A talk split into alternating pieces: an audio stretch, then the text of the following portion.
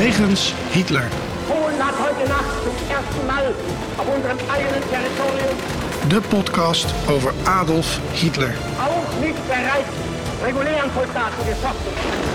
Seit 5 Uhr 45 wird jetzt zurückgeschossen. Dictator, alleenheerser. Van 1933 tot 1945. Een man met miljoenen doden op zijn geweten. Een man over wie ongelooflijk veel verhalen te vertellen zijn. Ook al die jaren na zijn dood. Met Sjoerd de Boer en Niels van Andel. Een nieuwe week, een nieuwe Wegens Hitler. Ja, Sjoerd, we zijn er weer gewoon. Hè? Ja, ja, ja. ja. Ik, ik moet eens even kijken. Welk ook, afleveringnummer denk ik. zouden we nu... eh, dat, ik denk ook dat we op tijd online komen. Ik zal eens even kijken op welk afleveringsnummer we inmiddels zitten. Want eh, ja, de, de 100 nadert natuurlijk. Hè. Dit is aflevering 97. Dat betekent dat onze luisteraars over drie weken een prachtig cadeau te wachten staat. Nou, dat is toch fijn. Ja, betaald, hè? En betaald, ja. ja, ja. ja. Zo'n cadeau. Heb jij met die, eh, met die eh, autodealer heb jij, eh, iets geregeld? Ja, ja. Elke luistuiraar, die, elke tiende auto. luisteraar krijgt een, een, Opel Astra. Ja, zo. Nou, het, het wordt een hele dure sponsoractie. We hebben wel de IKEA en de Action die korting voor ons maken. Misschien kunnen ze daar dan een leuk lampje uitzoeken of zo. Waar hebben we die als reclame vooraf aan de podcast? Ja, ja dat is de laatste tijd valt me op Action en Ikea. Eh, Wij zijn goedkoop, klaarblijkelijk. Oh, ik vond, eh, ik vond trouwens, de, eh, hoe heet het, eh, de PvdA vond ik leuker. Ja, ja, dat hebben we al vaak besproken. ja, over, nieuw oh, leiderschap. Over nieuw leiderschap, ja. Dit was wel gaaf. Ja, ja, ja. Maar goed, eh, we- wellicht is Forum meer wat iets voor ons. De IKEA heeft mij ooit een keer geweigerd als werknemer. Echt. Serieus. Waarom? Ik was student en ik, ik moest een formulier invullen alsof ik de topbaan van mijn leven kreeg. en ik studeerde wel Nederlands, dus ik zat daar enigszins cynisch op de afdeling waar ze van die, ja, van die funzige gehaktballetjes produceren. Sommige mensen vinden ze erg lekker. Ehm, eh, en toen heb ik de, ja, de helft van de vragen dacht ik, eh, dat ga ik echt niet invullen. Of hoe ik mijn carrière bij, de, bij, bij, bij dat winkelbedrijf zag. Prima, maar ik was aan het studeren. Ik kwam daar als student. Ik wilde natuurlijk een andere carrière. Dus wel een, ik ergerde me kapot aan. Dus ik heb de helft maar Ik denk dat jij toch beter als keukenverkoper bij de Ikea had gefloreerd hoor, achteraf. Qua IQ pas ik daar beter trouwens. Hoor. Ja, maar, ja, daar ging het me ook helemaal niet om. Ik denk, ja, hier komt hij toch als bijbaan. Ik ben hier toch niet uit op Ja. een carrière. Ja, dat, bij de supermarkt hebben we dat ook. En dan krijg je zo'n vraag van, ja, waarom moeten we jou aannemen? Dan krijg je altijd hetzelfde zinloze antwoord op. Ik ben heel gedreven, flexibel. Ja, maar dat kan ik niet. Dat kon, Oh, ik, toch kon ik toen niet. Want ik was toen echt nog wel een beetje principieel... eh, Maar je hebt wel de leraaropleiding afgemaakt. Daar moet je ook altijd opschrijven wat ze willen horen. Tenminste, mijn ervaring. Ja, ik weet niet. Ik, ik heb gewoon net tentamens gemaakt en dat is geen voldoende te zijn. Ja, nee, ja, goed. Ik moest echt verslagen schrijven over eh, Oh ja. dat, je, dat je als docent als coach, hè, als coach in de gang gaat. Misschien moeten we daar een keer een podcast over beginnen. Dat we gewoon, gewoon over het leven. Misschien vinden onze luisteraars dat leuk. Dan beginnen Ja. we een nieuwe podcast ernaast. Maar we gaan even terug naar het onderwerp, want we, we dwaalden af. Ehm, ehm, ehm, het, gaat goed met de vrienden. We zijn weer flink gigantisch gegroeid sinds de vorige uitzending. Dus het gaat echt goed. Eh, blijf vriend worden van de show. Het- ik weet het, het is platte, ordinaire reclame. Ehm, maar ehm, ehm, ja, die ordinaire reclame, die, eh, die, die, die ga ik toch gewoon mee door. Want deze podcast moet in de lucht blijven. Daarnaast verwacht ik deze week weer mokken binnen te krijgen. Want er zijn ook vragen over mokken. Oh, dus mocht je het nog leuk vinden om een mok te hebben, stuur even een mailtje naar wegenshitler.gmail.com. Dat gezegd hebben, gaan we denk ik maar gewoon beginnen met waar deze uitzending eigenlijk om draait. En dat is de inhoud. En eh, dat gaan we nu ook doen. Dus we gaan naar Hitlers dagboek. Hitlers dagboek. Het leven van Hitler duurde 20.463 dagen. Wat deed Hitler op deze dagen? Waar bevond hij zich? En vooral waarom?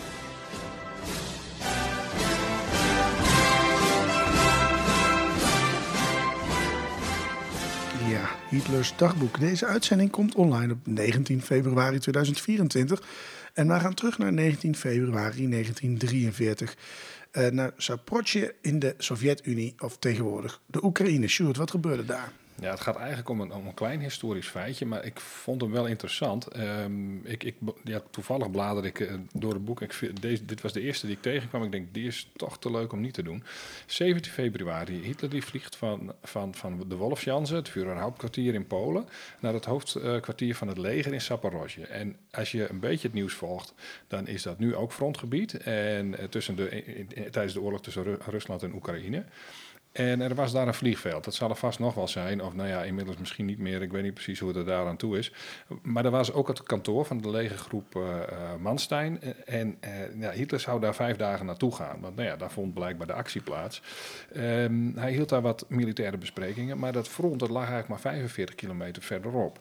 Ehm, de, de 18e februari, zeg maar gisteren, maar dan een paar jaar terug, was Hitler er eh, en overnachtte hij daar in het hoofdkwartier van Manstein weer. En dan op de 19e, en dat is dus 81 jaar geleden, sprak hij voor de soldaten van de Weermacht en de vliegeniers van de luchtmacht.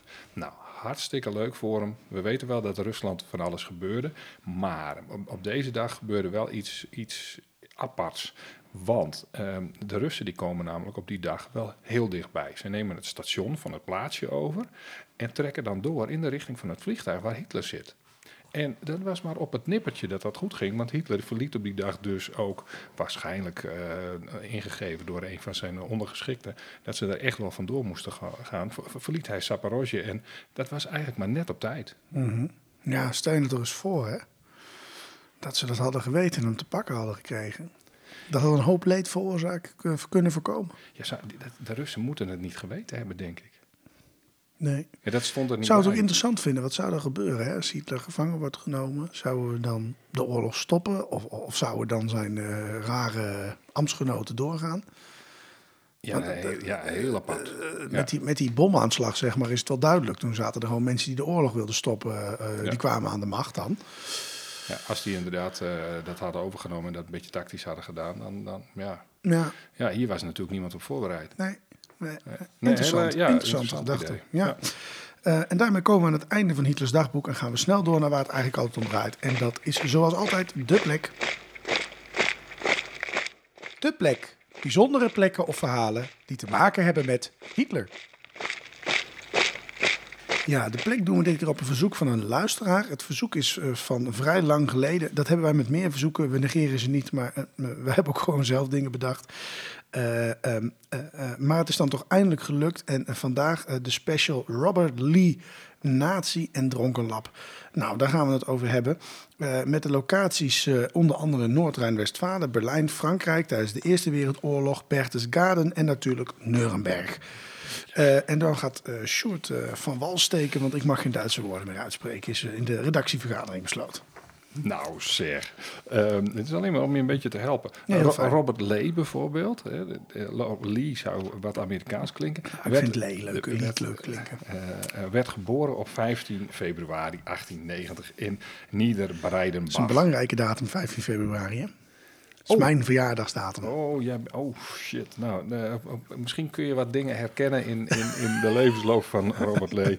Ehm, en- oh, ja, inderdaad. Ik zie het al. Een, een dorp in Noord-Rijn-Westfalen. Ehm, hij is, eh, Niels zit hier gewoon netjes aan de, aan de wat is dit voor sapje? Een eh, citroensapje.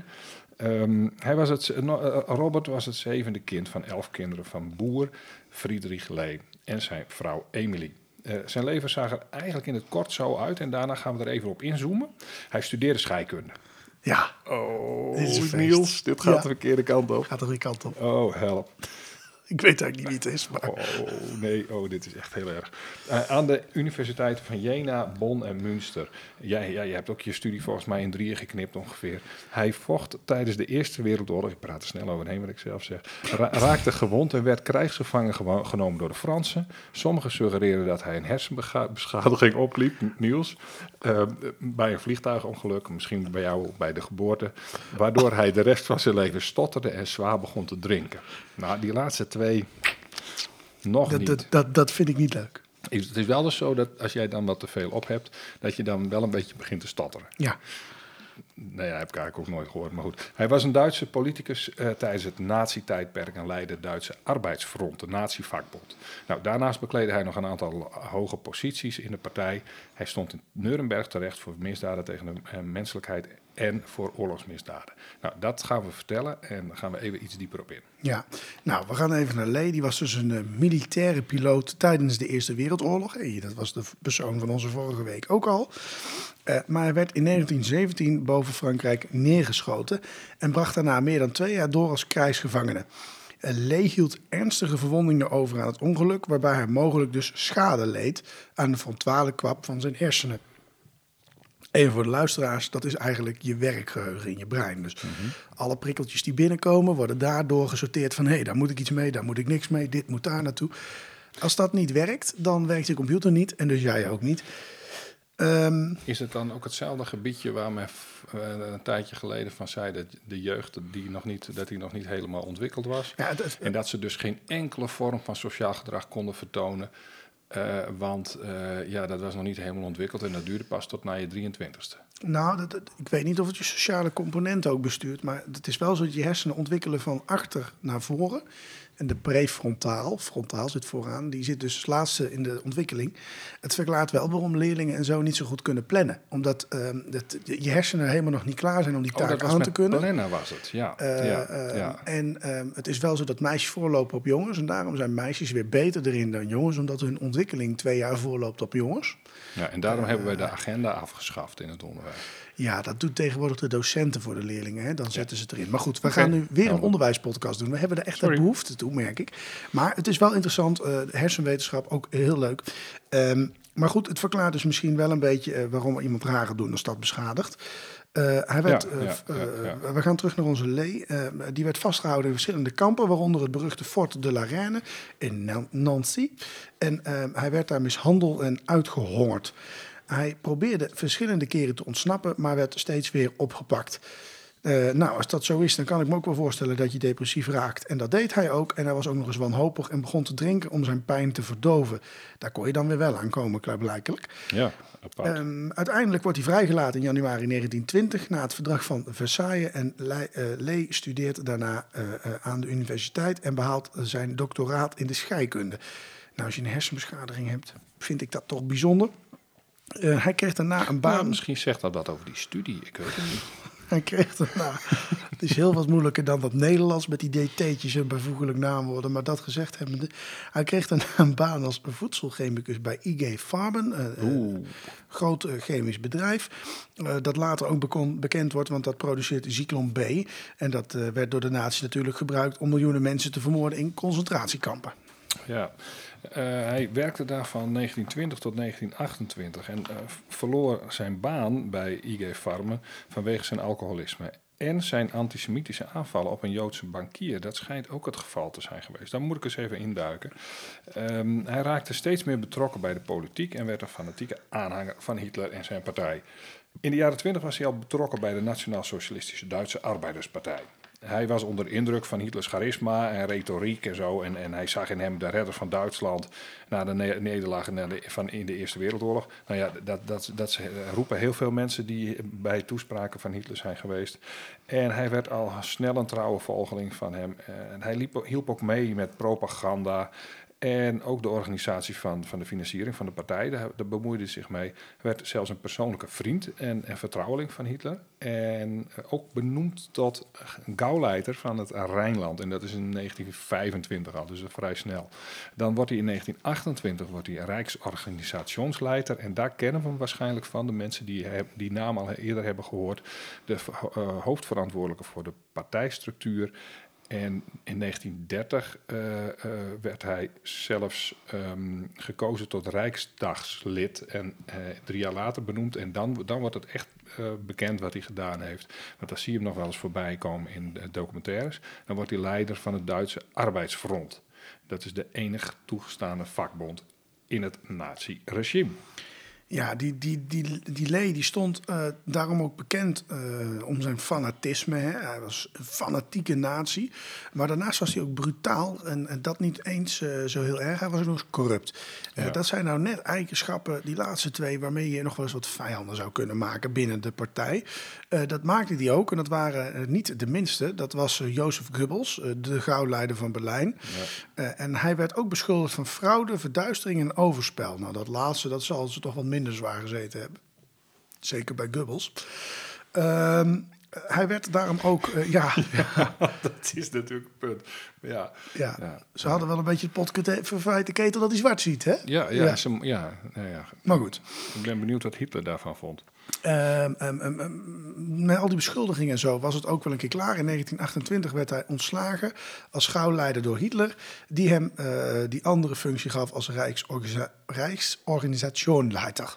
Nou, Robert Lee eh, die trouwde op 20 augustus 1938 met Igna Spilker. Ja, die- ja, daar moet je trouwens... Inga Inga, ja, ja, Inga eigenlijk, zeg maar. Maar Inga? dan, dan een beetje Scandinavisch-achtig. Inga. Daar moet je eens een keer in, een jonge foto van opzoeken. Niet omdat ik een eh, vieze oude man ben, maar gewoon... eh, ze staat bekend als een hele knappe vrouw. En volgens mij Nou, is het ook- 26 jaar, dan ben je geen vieze man. Ze was 26. Nee, maar daar gaat het niet om. Het gaat me niet om, om vrouwen te be- be- beoordelen op hun uiterlijk. Maar het, is, het is wel een rare match. Je moet die foto van hem er eens even naast zetten en dan deze dame. Ehm, eh, hij Misschien heeft- geeft dit wel hoop aan de niet zo knappe jonge mannen die luisteren naar deze podcast of presenteren en dan nog kans maken. Nou, het is meer zo dat, dat, dat eh, eh, Ro- Robert Lee er ook uitziet als iemand die gewoon zich niet helemaal onder controle heeft. Ah. Dus dat is misschien wat onaantrekkelijk. Maar ik kan niet oordelen over het uiterlijk van een ander. Nou, ik ga kijken. ik kijk alleen maar in mijn eigen terug. spiegel. Ja, precies. Nou, dat gezegd hebbende, hij trouwt dus met die Inge Spilker. En dat was een zangeres die hij in 1935 had ontmoet. Zij was 26 jaar jonger dan hij. Dat is dan wel weer bijzonder. En het huwelijk was niet gelukkig. Dat is ook niet zo gek als je een alcoholist trouwt. Nou, Lady bleef, een, eh, bleef namelijk een zware drinker. En ze kregen drie kinderen, Lore Wolf en Gloria Wolf. Zo werd Hitler ook wel eens genoemd. Hè? Ja, ja, dat kan geen toeval Wolf, zijn, ja. toch? Ja, nee, ja. Dictator, wolfje. Eh, Inge zoekt eh, soms toevlucht bij Hitler, eh, die haar bewonderde trouwens. Ja, da- trouwens, dat was bij die vrouw van... Jij zei, maakte die met Goebbels, hè? Die vrouw van Goebbels ze zoeken allemaal een Hitler. beetje hulp bij de grote leider. Hè? Ja. Maar dat voelt hij zich ook weer even belangrijk. Is ook wel fijn voor hem. Ja. Even kijken hoor. Hitler was trouwens ook op de hoogte van dat alcoholisme van Lee. En hij deed er maar weinig aan om Lee te helpen. En hij bestrafte hem trouwens ook niet. Eh, hij negeerde vaak de klachten en de kritiek over leesgedrag en incompetentie. En hij probeerde soms Lee te overtuigen minder te drinken, maar zonder veel succes. Hitler was zelf eigenlijk helemaal geen fan van alcohol. Hè? Dus Nee, helemaal niet vreemd dat hij daar zo weinig tegen doet. Ja, hij, hij dronk wel eens wat, maar eh, bijna nooit. En, eh, ja, Ja, maar dat extravagante had hij niks ik mee. niet, ja, nee, maar ik kom hier ook niet goed uit. En, en hij doet dan wel eens zijn best om voor die vrouwen iets te doen. Eh, zodat ze dat huwelijk niet eh, naar de knoppen gaat. Maar dat is in dit geval lijkt me dat vooral in het voordeel van, van, van Robert zelf, zeg maar. Die, eh, als hij ervoor zorgt dat zij bij hem blijft. Ja. Eh, geen idee. Ik, ik, kon hier niet helemaal achter komen. Maar eh, nou ja, hij, hij, eh, Lady was in november 1933 leider van de KDF. En dat Kracht door Freude. Die, dat was dus de organisatie die verantwoordelijk was voor de vrije tijdsbesteding van de Duitse arbeiders. En die, dat, dat duikt, duikt overal op. Als je het hebt over eh, de Volkswagen, heette de Kraft door Freude auto, wagen volgens mij. Eh, dat, dat Prora, dat, dat, dat die grote vakantieoord in, eh, in, op, ook op is- KDF vakantieoord. Daar kon je dus, nou ja, als, als, als werknemer... maar ja, wat voor werknemer, dan als je maar lid was, dan kon je daar op vakantie gaan, was het idee. Nou, hij, hij was dus al leider daarvoor van het Duitse arbeidsfront en, en dat was dat, die, die, die, die vakbond. En, ehm, en toen zei, Hitler van, ga jij nou eens even zo'n zo'n soort eh, eh, KDF oprichten. En dan, eh, dat, dat was bedoeld om de moreel van de arbeiders te vergroten. Eh, klassenverschillen waren ook wat te groot, dus daar kon je misschien ook wel wat aan doen als je samen op vakantie ging. Eh, het was weer een interessante positie voor iemand die zijn eh, baan bij IG Pharma had verloren door zijn alcoholisme en die zich kon misdragen, die weet ik wat ruzie had met Goebbels. En dan krijgt hij zo'n zo'n zo'n interessante eh, taak waarbij je ook leuke uitjes moet or- organiseren voor, voor, voor, voor eh, de, de gewone man. Eh, nou ja, sportevenementen, concerten, tentoonstellingen, goedkope vakanties, cruises. En eh, ja, hij bleef ook leider van die club tot 1945. Ik weet niet wat voor, wat voor reisjes er toen nog... eh, eh, misschien wat, wat, wat mensen die van het oosten naar, naar het westen getransporteerd moeten worden. Maar dat was niet voor de lol. Nee, nee. Ehm, het is wel gek natuurlijk, want je geeft hem best wel een, een, een positie. Ehm, ehm, maar ik noemde eerder al, hij stond nogal bekend als corrupt en ook incompetent. Dus eh, eh, dat is toch wel bijzonder dat je die dan dat soort taken geeft. Eh, hij verspeelde veel geld aan zijn eigen luxe levensstijl. Eh, en eh, dat deed hij ook bij de KDF dus, want hij gebruikte veel geld eh, voor het, van het KDF. Dat bedoeld was voor de vrije tijdsbesteding van de arbeiders dus om zichzelf te verrijken. Hij bouwde een luxueus landhuis, kocht dure auto's en jachten en gaf feesten met veel drank en vrouwen. Verder was Lee betrokken bij verschillende schandalen en rechtszaken, waarbij zijn machtmisbruik en invloed, ehm, ehm, ehm, hij zijn macht en invloed eigenlijk gebruikte om zichzelf te beschermen. Hij werd onder meer beschuldigd van fraude, verduistering, overspel, mishandeling en moord. Hè. We hadden het net al ge- genoemd. En hij wist echter steeds aan vervolging te ontkomen dankzij zijn connectie met Hitler en de andere nazi-leiders. Eh, die was verder nog verantwoordelijk voor de uitbuiting en mishandeling van miljoenen dwangarbeiders van het Duitse arbeidsfront. Hij liet hen werken onder erbarmelijke omstandigheden, zonder voldoende voedsel, kleding, medische zorg of rust. Hij behandelde hen als slaven en marteling en executies kwamen daarom onder zijn leiding ook zeker voor. Ehm Lillet die was ook betrokken bij eh, de ontwikkeling van een promotie eh, eh, van het Volkswagen-project. hè. Eh, eh, de, de, de, de, kever als het ware, hè. de auto voor iedereen, een Volkswagen, daar zit het al in. Dat was een wagen van het volk. Er was een plan om goedkope auto's te produceren voor de Duitse gewone man, de arbeider. Je kon daar geloof ik ook een of ander spaarboekje voor krijgen. Hè. Ja. Hitler die was daar ook heel erg voor. Die had ook veel met die autobeurs hebben we wel eens besproken. We hebben zelfs eens besproken, heeft nou een Jood eigenlijk die auto bedacht? Ja, daar hebben we het ook Ehm, over gehad, ja. ja. hebben we ook een uitzending over gehad. Maar je had een soort, eh, ja, wat je nu bij de supermarkt hebt... met die spaarzegeltjes voor een boodschappenpakket. Daar kon je dan toe met een auto. En dan kon je relatief goedkoop een auto kopen. Eh, ehm, ehm, nou, ze leverden in ieder geval elke week een kleine bijdrage. Eh, en op die manier verzamelde hij miljoenen marken van de arbeiders. Eh, was een klein dingetje. Hij leverde geen enkele auto. Oei. Ehm, en, eh, dan moet ik zeggen, kun je hem dat helemaal toeschrijven? Ehm, ehm, nee, want er kwam een oorlog. En eh, ja, als ik moet kiezen in oorlog, ik ga auto's bouwen voor het volk of tanks, zou ik denk ik ook voor de tanks gekozen hebben. Eh, maar hij gebruikte het geld niet dan op de bank, zette het niet op de bank, hij gebruikte het meer voor zichzelf. Dus dat kun je hem dan wel weer kwalijk nemen. Maar dat, dat, dat die productie vertraagde door de oorlog lijkt mij gewoon een Nee, valide ja. argument. Ehm, ehm, maar hij leeft in ieder geval heerlijk van dat geld. Verder is het goed om te noemen dat Lee een fanatieke antisemiet was. Ehm, hij is daar ook eerder voor ontslagen, dat vertelden we net. En Lee zette ook de arbeidskracht van Duitsland in voor de oorlog. En dat eh, betekende dat hij dus eh, eh, eh, buitenlandse en Duitse arbeiders moest recruteren en controleren. En daarmee een belangrijke bijdrage leverde aan het rekken van die oorlog. Want zonder die macht en productiecapaciteit was Duitsland sowieso verloren. Nou, dus dat ging door middel van dwang, geweld, intimidatie. Hij liet eh, arbeiders werken voor de nazi-industrie en het leger en was verantwoordelijk voor veel mensenrechten schendingen en misdaden tegen de arbeiders. Nou ja, dat hebben we al, al genoemd. Toch moest juist hij de loyaliteit en het moreel van de Duitse arbeiders hoog houden. En dat, dat was tenslotte zijn functie. Hij nam liever een slok en schrok nooit terug voor wat corruptie hier en daar. Maar toen de oorlogssituatie verslechterde en de bombardementen toenamen en de er, er eh, van voedsel nodig waren en de ellende van het land snel toenam, probeerde hij zich natuurlijk, eh, eh, dit natuurlijk te doen door eh, het een beetje goed te praten en, en, en te masseren door propaganda, censuur en een van zijn favoriete middelen, indoctrinatie van arbeiders. En, en hij, hij probeerde de boel een beetje te verbloemen. Ehm, eh, nou ja, en dan heb je dus al die activiteiten, die, die, die werden natuurlijk duurder en, en, en, en schaarser eh, terwijl de oorlog vorderde. En hij, hij kon ook door die drank eh, eigenlijk steeds minder goed functioneren. Hij eh, raakte geïsoleerd en een beetje paranoïde. Als je je brein echt gewoon een opdonder geeft, zo op die manier, dan, dan gebeurt dat vanzelf. Ehm, eh, het, hij verloor ook het vertrouwen van nog veel meer collega's en van zijn ondergeschikten. En ja, die, die, die, die, die, die, die, die kon ook niet leven met zijn, zijn leven. Dat bestond uit hallucinaties, allemaal woedeaanvallen, depressies. Ja, ehm, misschien allemaal het gevolg van dat ongeluk in Frankrijk. Maar zijn drankgebruik was excessief. Dat kunnen Ja, we wel stellen. zal er ook niet bij helpen, denk ik. Hè? Eh, eh, eh, verder verwaarloosde hij trouwens ook zijn, zijn, zijn werk. Dat hebben we al vaker verteld, maar ook zijn gezin. Eh maar Lee bleek wel trouw te zijn, want hij bleef ook trouw tot Hitler tot aan het einde. Eh, ook al zag hij dat de nederlaag onvermijdelijk was. Eh, net als Hitler weigerde Lee zich over te geven of te vluchten naar het buitenland. Op 29 april 1945 uh, werd hij in Hitlers politieke testament zelfs nog bevestigd als hoofd van de DAF, van het, dus van het Duitse Arbeidersfront, en benoemd tot Rijksminister. En tot zijn dood schrok Hitler dus niet terug van Lees corruptie.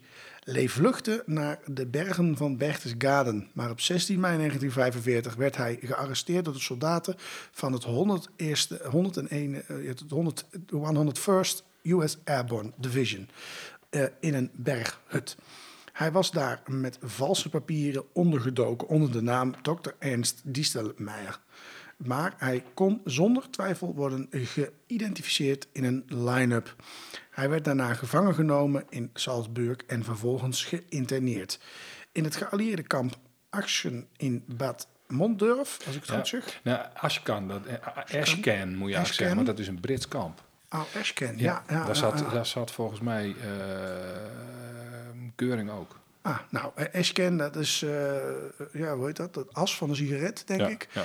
Nou, dat kan ik me voor, eh, dat is de rotzooi. Nou, dat, dat klopt wel. Goede cynische In, naam. ja, in Bad Mondorf in Luxemburg.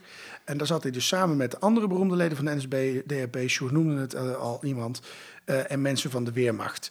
Hij werd uiteindelijk tijdens het proces van Nuremberg aangeklaagd als een van de belangrijkste oorlogsmisdadigers. En Lee zou de doodstraf eh, hebben gekregen als hij niet ongemerkt een handdoek had gepakt en zichzelf niet had gewurgd met een constructie van repenstof die hij op 25 oktober 1945 aan een pijp bond, terwijl hij op het toilet in zijn cel zat.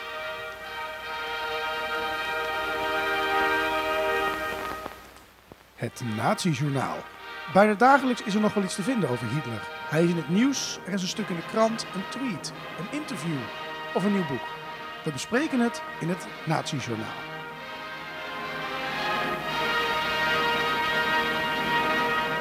Ja, het Nazi-journaal. Eh, interessant nieuws uit de archieven. Eh, 6 juni 1946 gaan we naartoe.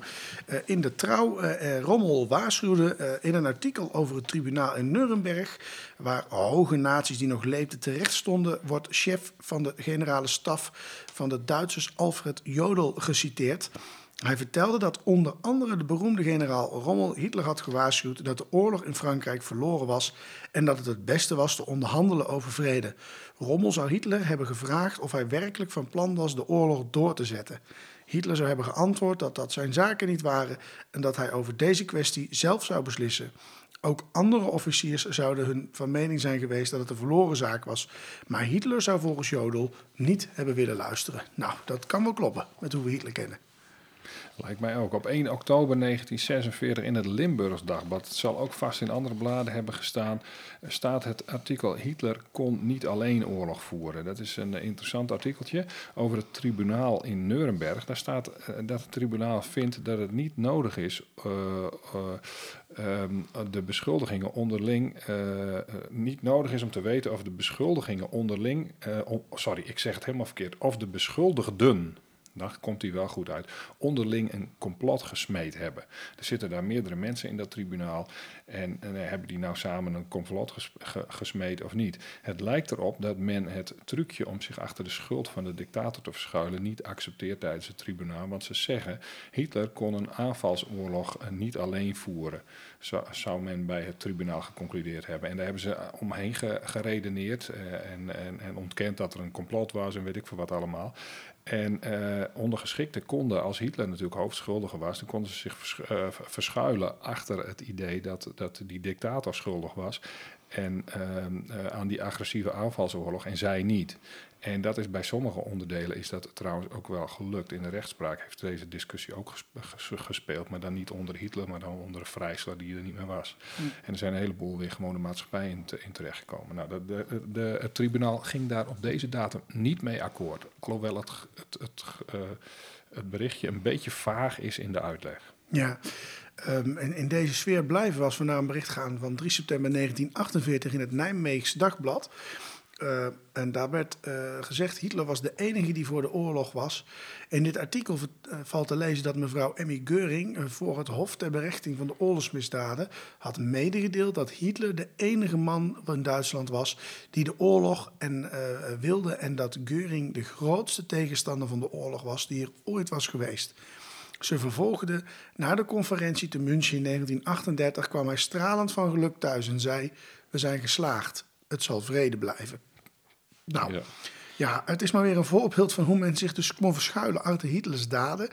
En hoe men zichzelf ook, um, um, zichzelf of ook iemand anders in dit geval, uh, buiten schot kon houden. En zelfs het hele volk kon beschermen tegen deze beschuldigingen. Ja, ja maar ja, dat is toch lastig vol te houden, hadden we het net al over. Uh, uh, ja, er zijn toch miljoenen mensen die hebben geholpen.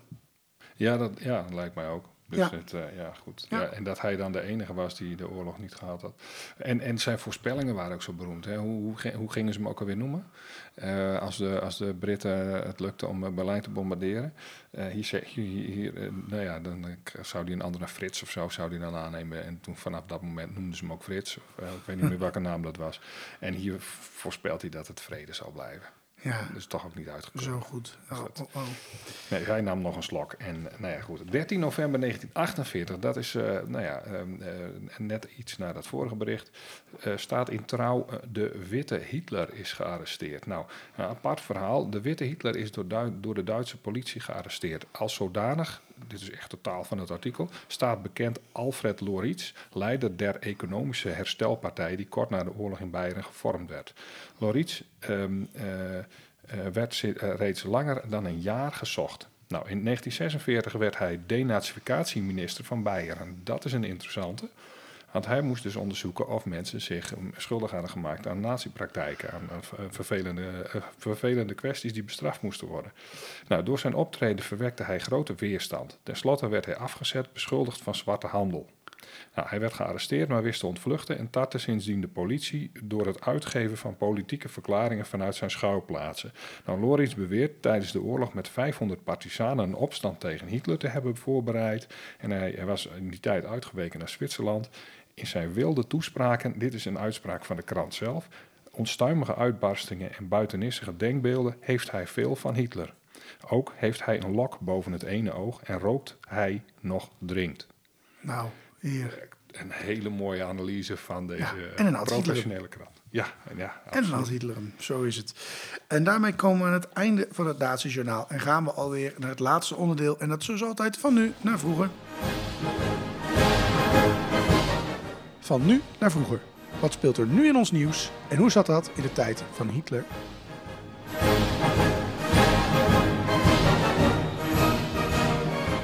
Op 26 januari 2024 was er iets in het nieuws wat ik op de radio bij toeval hoorde van de week.